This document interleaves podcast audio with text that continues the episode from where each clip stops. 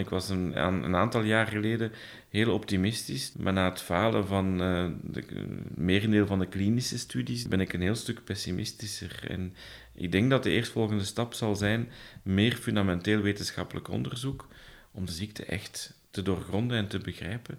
En dan pas gaan we terug ja, zicht hebben op, op nieuwe medicatie.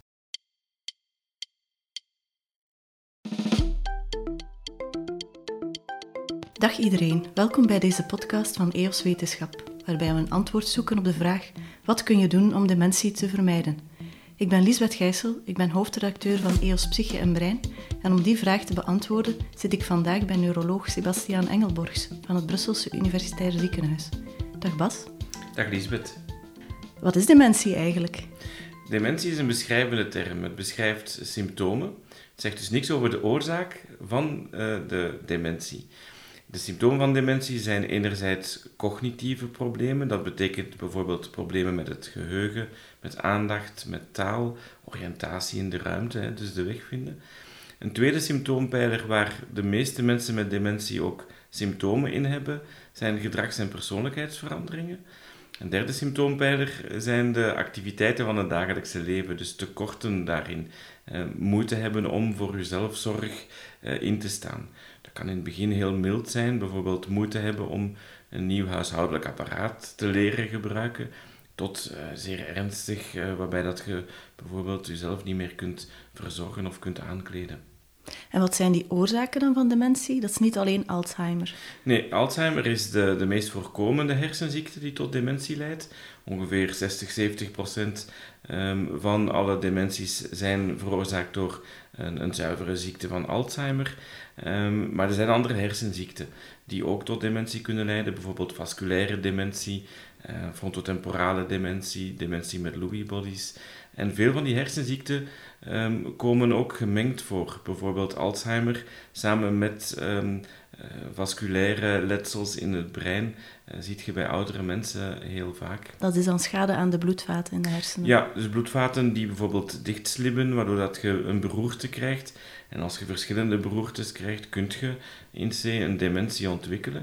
Het hangt wat af van de plaats in de hersenen waar zo'n beroerte ontstaat. Uh, maar leeftijd is de voornaamste risicofactor voor zowel Alzheimer als beroertes. Dus beide komen vaak ook samen voor. Laten we het verder in het gesprek vooral over Alzheimer hebben, omdat dat toch de belangrijkste oorzaak van dementie is. Wat gebeurt er dan precies in de hersenen als je Alzheimer krijgt? Bij de ziekte van Alzheimer loopt er iets mis met twee eiwitten in, in ons brein. Eiwitten die normaal aanwezig zijn in ons brein en daar ook een functie vervullen. Het eerste eiwit waar het misloopt is het amyloïd-eiwit. Um, dat um, gaat, uh, het voorloper-eiwit, het amyloïd-precursorproteïne, zoals dat heet, wordt verknipt. En bij Alzheimer ontstaat er dan meer uh, een giftige variant, het, het amyloïd-beta van 42 aminozuren. En dat begint samen te klitten en neer te slaan in het brein onder de vorm van amyloïde plakjes, die zich tussen de hersencellen uh, bevinden. Um, dat is eigenlijk het eerste waarneembare dat er gebeurt in het brein. Het is het eerste dominosteentje dat valt. Um, in de tijd volgen er dan nog dominostenen. En dat heeft dan geleid tot de amyloïd-cascade-hypothese. Men heeft lange tijd gedacht van dat amyloïd, dat is het eerste dat er gebeurt in het brein. Als je dat kunt remmen, dan kun je Alzheimer voorkomen. Ehm, de studies van de laatste jaren, de klinische studies, die allemaal gefaald zijn, of haast allemaal gefaald zijn, tonen dat die amyloïd-cascade-hypothese eigenlijk niet helemaal lijkt te kloppen. Hè, dat Alzheimer ingewikkelder is dan dat. Maar goed, dat amyloïd is het eerste wat er gebeurt. Um, een tweede eiwit waar het spaak loopt, is het eiwit tau. Um, dat maakt deel uit van het skelet van de zenuwuitlopers. Um, hersencellen kunnen lange zenuwuitlopers hebben. Die hebben een skelet voor de stevigheid. En dat tau maakt daar deel van uit. En bij Alzheimer uh, wordt dat tau-eiwit gefosforileerd. Het, het, verandert van vorm, um, daardoor ook van structuur. Het klit samen en het slaat neer, maar dan in de hersencellen zelf. En dat noemen we dan neurofibrillaire kluwens. Um, dus bij die twee eiwitten uh, loopt het bij de ziekte van Alzheimer spaak. Um, dat alles leidt tot een degeneratie, een afsterven van hersencellen. En in eerste instantie zien we dat de vertakkingen van die hersencellen afnemen. Het is met die vertakkingen dat je een breinnetwerk opbouwt. En dus dat breinnetwerk, dat degenereert. Uh, en vervolgens zijn er ook hersencellen die werkelijk afsterven. Dus je brein krimpt als het ware. Uh, je verliest ongeveer een derde van de massa van je brein in de loop van het hele ziekteproces. Wat daarin aardig is, is dat die eiwitneerslagen niet heel het brein aantasten, maar bepaalde delen. En dus die, dat krimpen van het brein volgt um, die eiwitneerslagen. Dus dat komt ook niet in heel het brein voor. Dus die klonters van eiwitten zitten op bepaalde plaatsen in de hersenen ja. en daar veroorzaken ze schade en daardoor ga je dan uh, de symptomen ontwikkelen. Ja, in welke mate dat die eiwitneerslagen uh, de schade veroorzaken of berokkenen, um, is eigenlijk nog een, een open vraag. We hebben lange tijd gedacht dat dat zo was, maar dus die klinische studies die gericht waren op dat amyloïd-eiwit, merendeel is gefaald. Dus waarschijnlijk is het complexer dan, uh, dan dat. Is het daarom dat er nog geen medicijn is tegen Alzheimer? Er is inderdaad geen medicijn dat Alzheimer kan genezen. We hebben wel medicijnen die sommige symptomen kunnen verzachten, uh, maar de ziekte echt stoppen of afremmen kunnen we niet. En dat heeft daar inderdaad mee te maken. Omdat we de eigenlijke oorzaak nog niet kennen omdat we de eigenlijke oorzaak nog niet kennen. Er is uh, echt nood aan meer fundamenteel wetenschappelijk onderzoek om de ziekte beter te leren kennen en beter te begrijpen. Als we kijken naar de symptomen, dan um, als je ouder wordt, word je al wat vergeetachtiger. En sommige mensen maken zich dan wellicht zorgen dat ze Alzheimer zullen krijgen. Hoe kan je zelf of bij iemand in je omgeving het verschil merken tussen normale vergeetachtigheid en het begin van Alzheimer? Ja, dat is een moeilijke vraag. Um, bij het ouder worden vergeten we allemaal um, wel iets. De aandachtspannen neemt ook af. Dat is ook eigen aan het ouder worden. Je hebt aandacht nodig om zaken te onthouden. als je natuurlijk meer begint te vergeten dan leeftijdsgenoten, als je weet van ik had vroeger een heel sterk geheugen en dat lukt dan nu allemaal een stuk slechter. als het vergeten van dingen uh, zich steeds herhaalt en je komt daardoor in de problemen, Ehm, je vergeet uh, geregeld afspraken of je krijgt um, rappels voor betalingen die je niet hebt gedaan. En dat was vroeger nooit het geval. Ja, dat zijn van die veranderingen waardoor dat je uh, zorgen moet maken. Um, sommige mensen verandert ook het, het gedrag. Ik bedoel, mensen isoleren zich, zijn meer in zichzelf gekeerd. Misschien is er een depressie. Uh, terwijl daar geen uh, zichtbare aanleiding voor bestaat, kan ook een reden zijn om, uh, om u te laten nakijken. Alleszins, als je zorgen maakt over uw geheugen, is de eerste stap naar de huisarts gaan en, en, en overleggen met de huisarts. Het kan bijvoorbeeld ook zijn dat een te traag werkende schildklier of bepaalde vitaminetekorten leidt tot geheugenproblemen. De huisarts kan daarvoor een bloedonderzoek doen. En dat zijn makkelijk behandelbare oorzaken voor geheugenproblemen. Maar als ik het goed begrijp, want je sprak over depressie, dat is dan ook, kan ook een symptoom zijn van Alzheimer. Ja, je ziet vaak dat mensen die um, bijvoorbeeld een beginnende ziekte van Alzheimer hebben, dat die voelen um, dat er iets verandert, hè, dat uh, de wereld hen een stukje ontglipt. Um, dat kan angstig en onzeker maken. kan inderdaad depressieve gevoelens ontlokken. Dus een, een depressie op oudere leeftijd, out of the blue, waar dat geen duidelijke verklaring voor is, is eigenlijk wel een risico. We weten dat mensen die op oudere leeftijd een eerste depressie doormaken en een licht verhoogd risico hebben om later een dementie te ontwikkelen. En waarschijnlijk is een, gedeeltelijke verklaring dat die eerste depressie eigenlijk een eerste uiting is van een zich instellende ziekte van Alzheimer. Um, om Alzheimer te vermijden, kunnen wij zelf iets ondernemen op uh, jongere leeftijd? Als je geprogrammeerd bent, genetisch geprogrammeerd bent om een ziekte van Alzheimer te krijgen, gaat je het niet kunnen vermijden. Um, je kunt door gezond te leven je risico op dementie wel iets verlagen. Um, dus je levensstijl aanpassen, een gezonde levensstijl, minstens vanaf middelbare leeftijd, heeft een gunstig effect op je dementierisico. Uh, je gaat misschien dementie niet kunnen, uh, uit, niet kunnen afstellen, maar misschien wel uitstellen, uh, al is het maar met enkele jaren. Um, we weten dat wat goed is voor het, het hart, ook goed is voor het brein. Uh, wat betekent dat risicofactoren voor hart- en vaatziekten onder controle houden. Is niet alleen goed voor, om, om hart- en vaatziekten te voorkomen, maar heeft ook een gunstig effect op uw dementierisico. Dus dat betekent dat overgewicht vermijden, lichaamsbeweging nemen, uh, overmatig alcoholgebruik vermijden, uh, niet roken. Als je bijvoorbeeld hoge bloeddruk hebt, dat laten behandelen. Hetzelfde geldt voor een hoog cholesterol, suikerziekte. Dus dat zijn allemaal risicofactoren voor hart- en vaatziekten, die ook uw risico op dementie een stukje bepalen. En hoe zit het met uh, bijvoorbeeld breinspelletjes, kruiswoordraadsels oplossen, uh, sudokus, uh, helpt dat? Um, intellectueel actief blijven helpt zeker. Um, hoe dat je intellectueel actief bent, maakt eigenlijk niet uit. Um, maar zeker naar oudere mensen toe is het heel belangrijk dat ze actief blijven. Dat ze de activiteiten blijven doen die ze graag doen.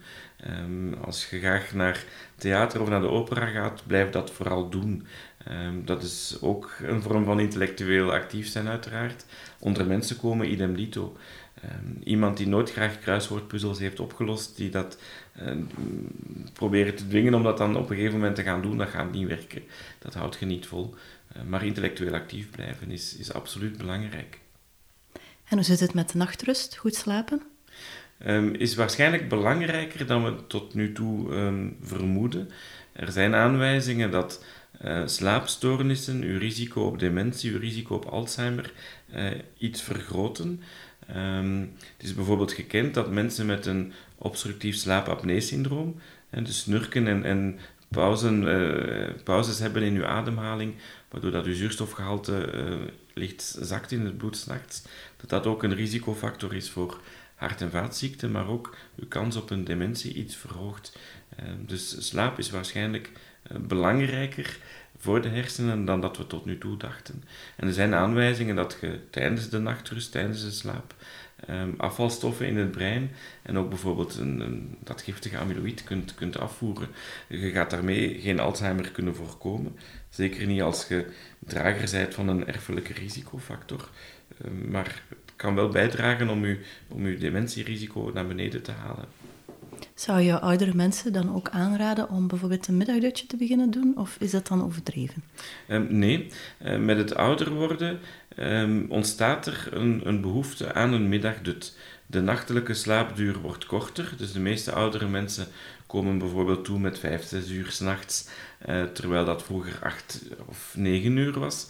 Uh, maar er, er, ontstaat daardoor ook een, een, natuurlijke behoefte aan een middagdut. Dus een middagdut is eigenlijk gezond, zeker vanaf een zekere leeftijd. Ja, welke leeftijd kun je daarop plakken dan? Ik denk dat dat individueel heel verschillend is, maar de slaap verandert vanaf je 60ste, 70ste levensjaar. Dat is zo het moment waarop veel mensen ook merken dat ze korter slapen, dat ze ook oppervlakkiger slapen uh, s'nachts. Um, en het is eigenlijk gezond om, om dan een middagdut te doen. Je sprak over genetische risico's voor Alzheimer. Hoe weet je of je een genetisch risico loopt? In C kun je dat laten onderzoeken. Uh, nu moet iedereen zich laten onderzoeken? Nee, absoluut niet. Um, je hebt daar genen waar een fout echt de oorzaak is van de ziekte. Um, dat zijn dus geen mutaties. Die worden op een dominante wijze overgedragen. Dat betekent dat elk kind van een ouder met zo'n genmutatie één kans op twee heeft om zo'n gen te erven en zelf ook ziek te worden. Um, dus in die families, als je daar een stamboom uittekent, zie je daar een duidelijk patroon. Um, die mensen kunnen zich laten testen, desgevallend, hè, op, uh, op de genen die bijvoorbeeld Alzheimer veroorzaken. En als je dat, het gen hebt, dan krijg je 100% zeker de ziekte? Niet 100% of? zeker, maar uh, zeer hoge mate van waarschijnlijkheid, 98, 99 procent zeker. Naast diegenen die echt de ziekte kunnen veroorzaken, heb je ook risicogenen. Um, genen die je risico op Alzheimer iets verhogen, maar drager zijn van zo'n risicofactor is in C niet voldoende om ook ziek te worden. Um, die genen, die risicogenen kunnen maken dat in sommige families bijvoorbeeld iets meer Alzheimer voorkomt dan in andere families. Maar drager zijn van zo'n risicofactor betekent niet dat je dofies ziek gaat worden. Dus er is eigenlijk er is geen plaats in de, in de, in de routine klinische praktijk om die risicogenen te gaan bepalen bij mensen zonder symptomen. Als een van je ouders is gestorven aan Alzheimer, heeft het dan zin om je onmiddellijk te laten testen? Niet noodzakelijk. Ehm, als er een, een, stamboom is die een, een ware erfelijke factor doet vermoeden, dan is dat misschien zinvol. Als uw ouder oud geworden is en die heeft een ziekte van Alzheimer gekregen, dan kan dat ook toeval zijn. Uh, leeftijd is immers de belangrijkste risicofactor voor Alzheimer en dementie. Het verband tussen leeftijd en het voorkomen van Alzheimer is een exponentiële curve. Wat betekent dat als je twee keer zo oud wordt, dan wordt je dementierisico eh, niet twee keer zo groot, maar bijvoorbeeld vier keer zo hoog. Dus als je ouder heel oud is geworden, dan kan het ook gewoon toeval zijn dat er daar eh, bij die ouder zich een ziekte van Alzheimer ontwikkeld heeft. Um, dus bij de genetische um, vorm van Alzheimer gaan mensen vroeger Alzheimer ontwikkelen? Ja, de, de echte genetische vormen, de echte erfelijke vormen, die geven dikwijls aanleiding tot jongdementie. Dus bij jongdementie eh, betekent dat je een dementie ontwikkelt onder je 65ste levensjaar. Eh, gaan we altijd op onze hoede zijn van, ja, is er hier toch geen erfelijke factor in het spel? Eh, gaan we vaak ook een, een genetisch onderzoek doen in overleg met de familie. Ehm, stel dat je een genmutatie, een gendefect vindt, dan hebben de kinderen van zo'n ouder de mogelijkheid om zich ook te laten testen nog voordat er symptomen zijn. Of dat je laat testen of niet, is een individuele voorkeur. Want Alzheimer kun je tot op heden niet voorkomen.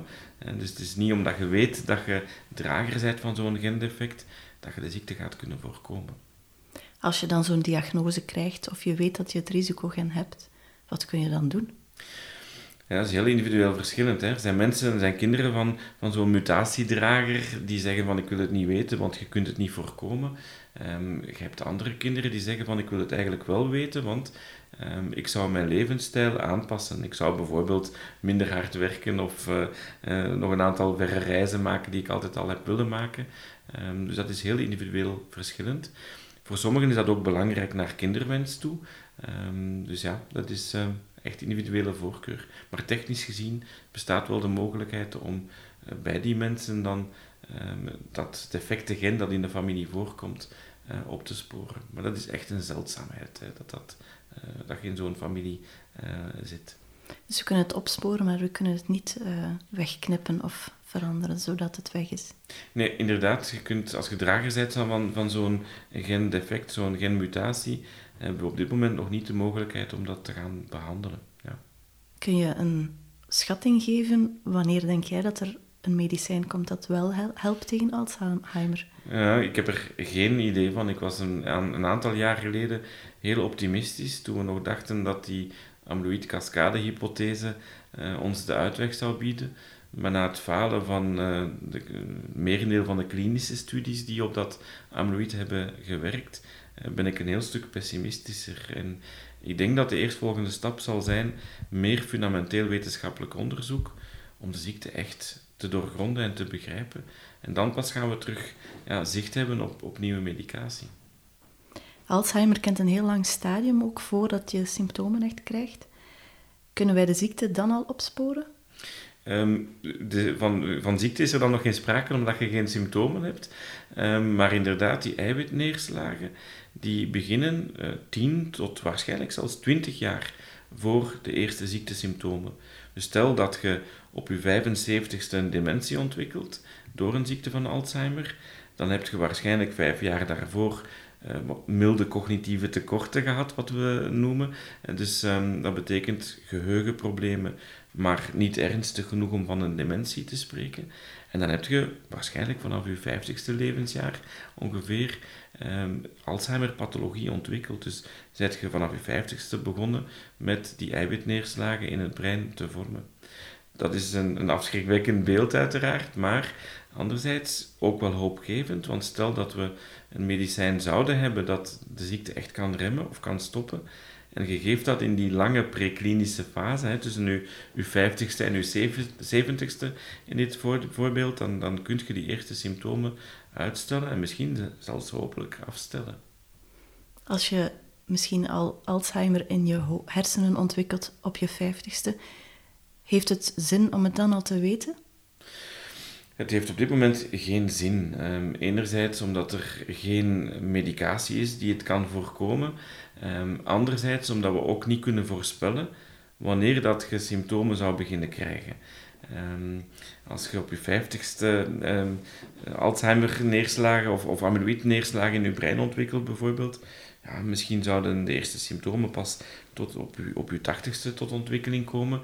Um, terwijl dat je dan bijvoorbeeld al overleden kunt zijn door een andere oorzaak. Dus op dit moment is er geen enkele plaats in de routineklinische praktijk om de opsporing van, dat, um, van die eiwitneerslagen te doen voordat er symptomen zijn. In de context van wetenschappelijk onderzoek gebeurt dat soms wel, hè, bij mensen die dan een geïnformeerde toestemming geven om uh, deel te nemen aan onderzoek. Maar dat is, dat is een ander verhaal, dat is wetenschappelijk onderzoek, dat is geen klinische praktijk. Maar op je vijftigste heb je wel nog 10 of 15 jaar tijd om je leven, uh, levensstijl om te gooien. Bijvoorbeeld meer lichaamsbeweging te nemen of te stoppen met roken. Helpt het dan niet? Gaat zeker helpen. Um, maar dat is eigenlijk iets dat iedereen en altijd zou moeten doen. En niet op je vijftigste pas, maar liever ook vroeger. Um, gezond leven, je levensstijl aanpassen. Uh, je ziet wat helpt uh, tegen verschillende ziekten, hart- en vaatziekten, sommige kankers maar ook om je dementierisico uh, naar beneden te halen. Dus het mag eigenlijk niet, uh, niet afhangen van het feit of dat je amyloïd-eiwit aan het neerslaan bent in je brein om gezond te gaan leven. Um, dat is iets dat iedereen zou moeten doen. We moeten eigenlijk veel meer inzetten op, op preventie in onze maatschappij. Bestaat er ook wetenschappelijk bewijs voor dat als je je levensstijl omgooit, als je al die eiwitklonters in je hersenen hebt, dat de symptomen van Alzheimer dan dat je die dan een beetje kunt uitstellen? Daar is inderdaad wetenschappelijke evidentie dat als je um, je levensstijl op dat moment omgooit, dat je je risico op dementie uh, iets verlaagt, of dat je dus de eerste symptomen iets kunt uitstellen. Hetzelfde geldt voor mensen die reeds een Alzheimer-dementie hebben.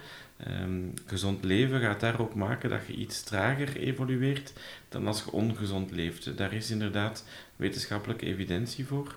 Een gezond leven bedoelen we dan vooral lichaamsbeweging nemen. Daar is eigenlijk vrij sterke evidentie voor dat dat uh, gezond is. Dus bijvoorbeeld drie keer in de week of dagelijks een, een wandeling maken, al is het maar een half uur, maakt een verschil. Um, voeding is ook een, een belangrijke. Um, er zijn aanwijzingen dat het mediterraan dieet uh, gezonder is voor het brein dan ons klassieke westerse dieet. Uh, dus minder verzadigde vetten, hè, minder vlees, minder uh, boter, maar meer olijfolie, meer, meer peulvruchten, noten, vis, uh, fruit, vers fruit en, en verse groenten zijn eigenlijk heel belangrijke zaken om, uh, um, ja, voor onze gezondheid en ook voor ons brein. Als je iemand in je familie hebt, een ouder partner die Alzheimer heeft, hoe kun je dan het beste omgaan met die persoon? Ja, dat is, um, er is geen kookboekrecept over hoe gaat je om met een persoon met dementie. Waarom niet? Omdat um, je moet vertrekken van de persoon, je moet de persoon respecteren. Um, je moet de persoon in zijn eigen waarde laten, zelfs in de meest gevorderde stadia van de ziekte. Dat betekent dus dat je zorg moet afstemmen op de persoon en wie die persoon is. Um, je kunt bijvoorbeeld die persoon aanspreken met zaken waarvan dat je weet, uh, dat vond hij vroeger of zij vroeger prettig of aangenaam. Uh, biedt muziek aan bijvoorbeeld, um, die hij of zij vroeger heel graag heeft gehoord. En je gaat zien dat je uh, emoties gaat kunnen uitlokken waarvan dat je dacht dat ze niet meer aanwezig waren. Um, dus ja, benader de persoon zo persoonlijk mogelijk. En vanuit respect voor de persoon zelf, ook al gaat het om een gevorderde dementie. Dat is eigenlijk het, het allerbelangrijkste. Als die persoon dan uh, in zijn fantasie zit, of in haar fantasie zit, ga je daar dan in mee? Of zeg je van, nee, dat klopt niet wat je zegt. Die persoon is bijvoorbeeld al lang overleden? Of... Dat is een heel moeilijke. Um, het belangrijkste is denk ik om, um, om bijvoorbeeld agressie of conflicten te vermijden. Um, sommige mensen hebben waanideeën. Een waanidee is een idee waar de persoon in kwestie uh, echt van overtuigd is, maar die niet strookt met de realiteit. En het is kenmerkend aan een waanidee dat je dat eigenlijk niet uit het hoofd van de persoon kunt praten, ook niet met ja, harde argumenten. Um, Dus wat ik meestal aanraad is, um, ja, ga daar in zekere mate in mee. Ehm, maar natuurlijk, uh, ja, leugens om best wil zijn uiteraard te vermijden.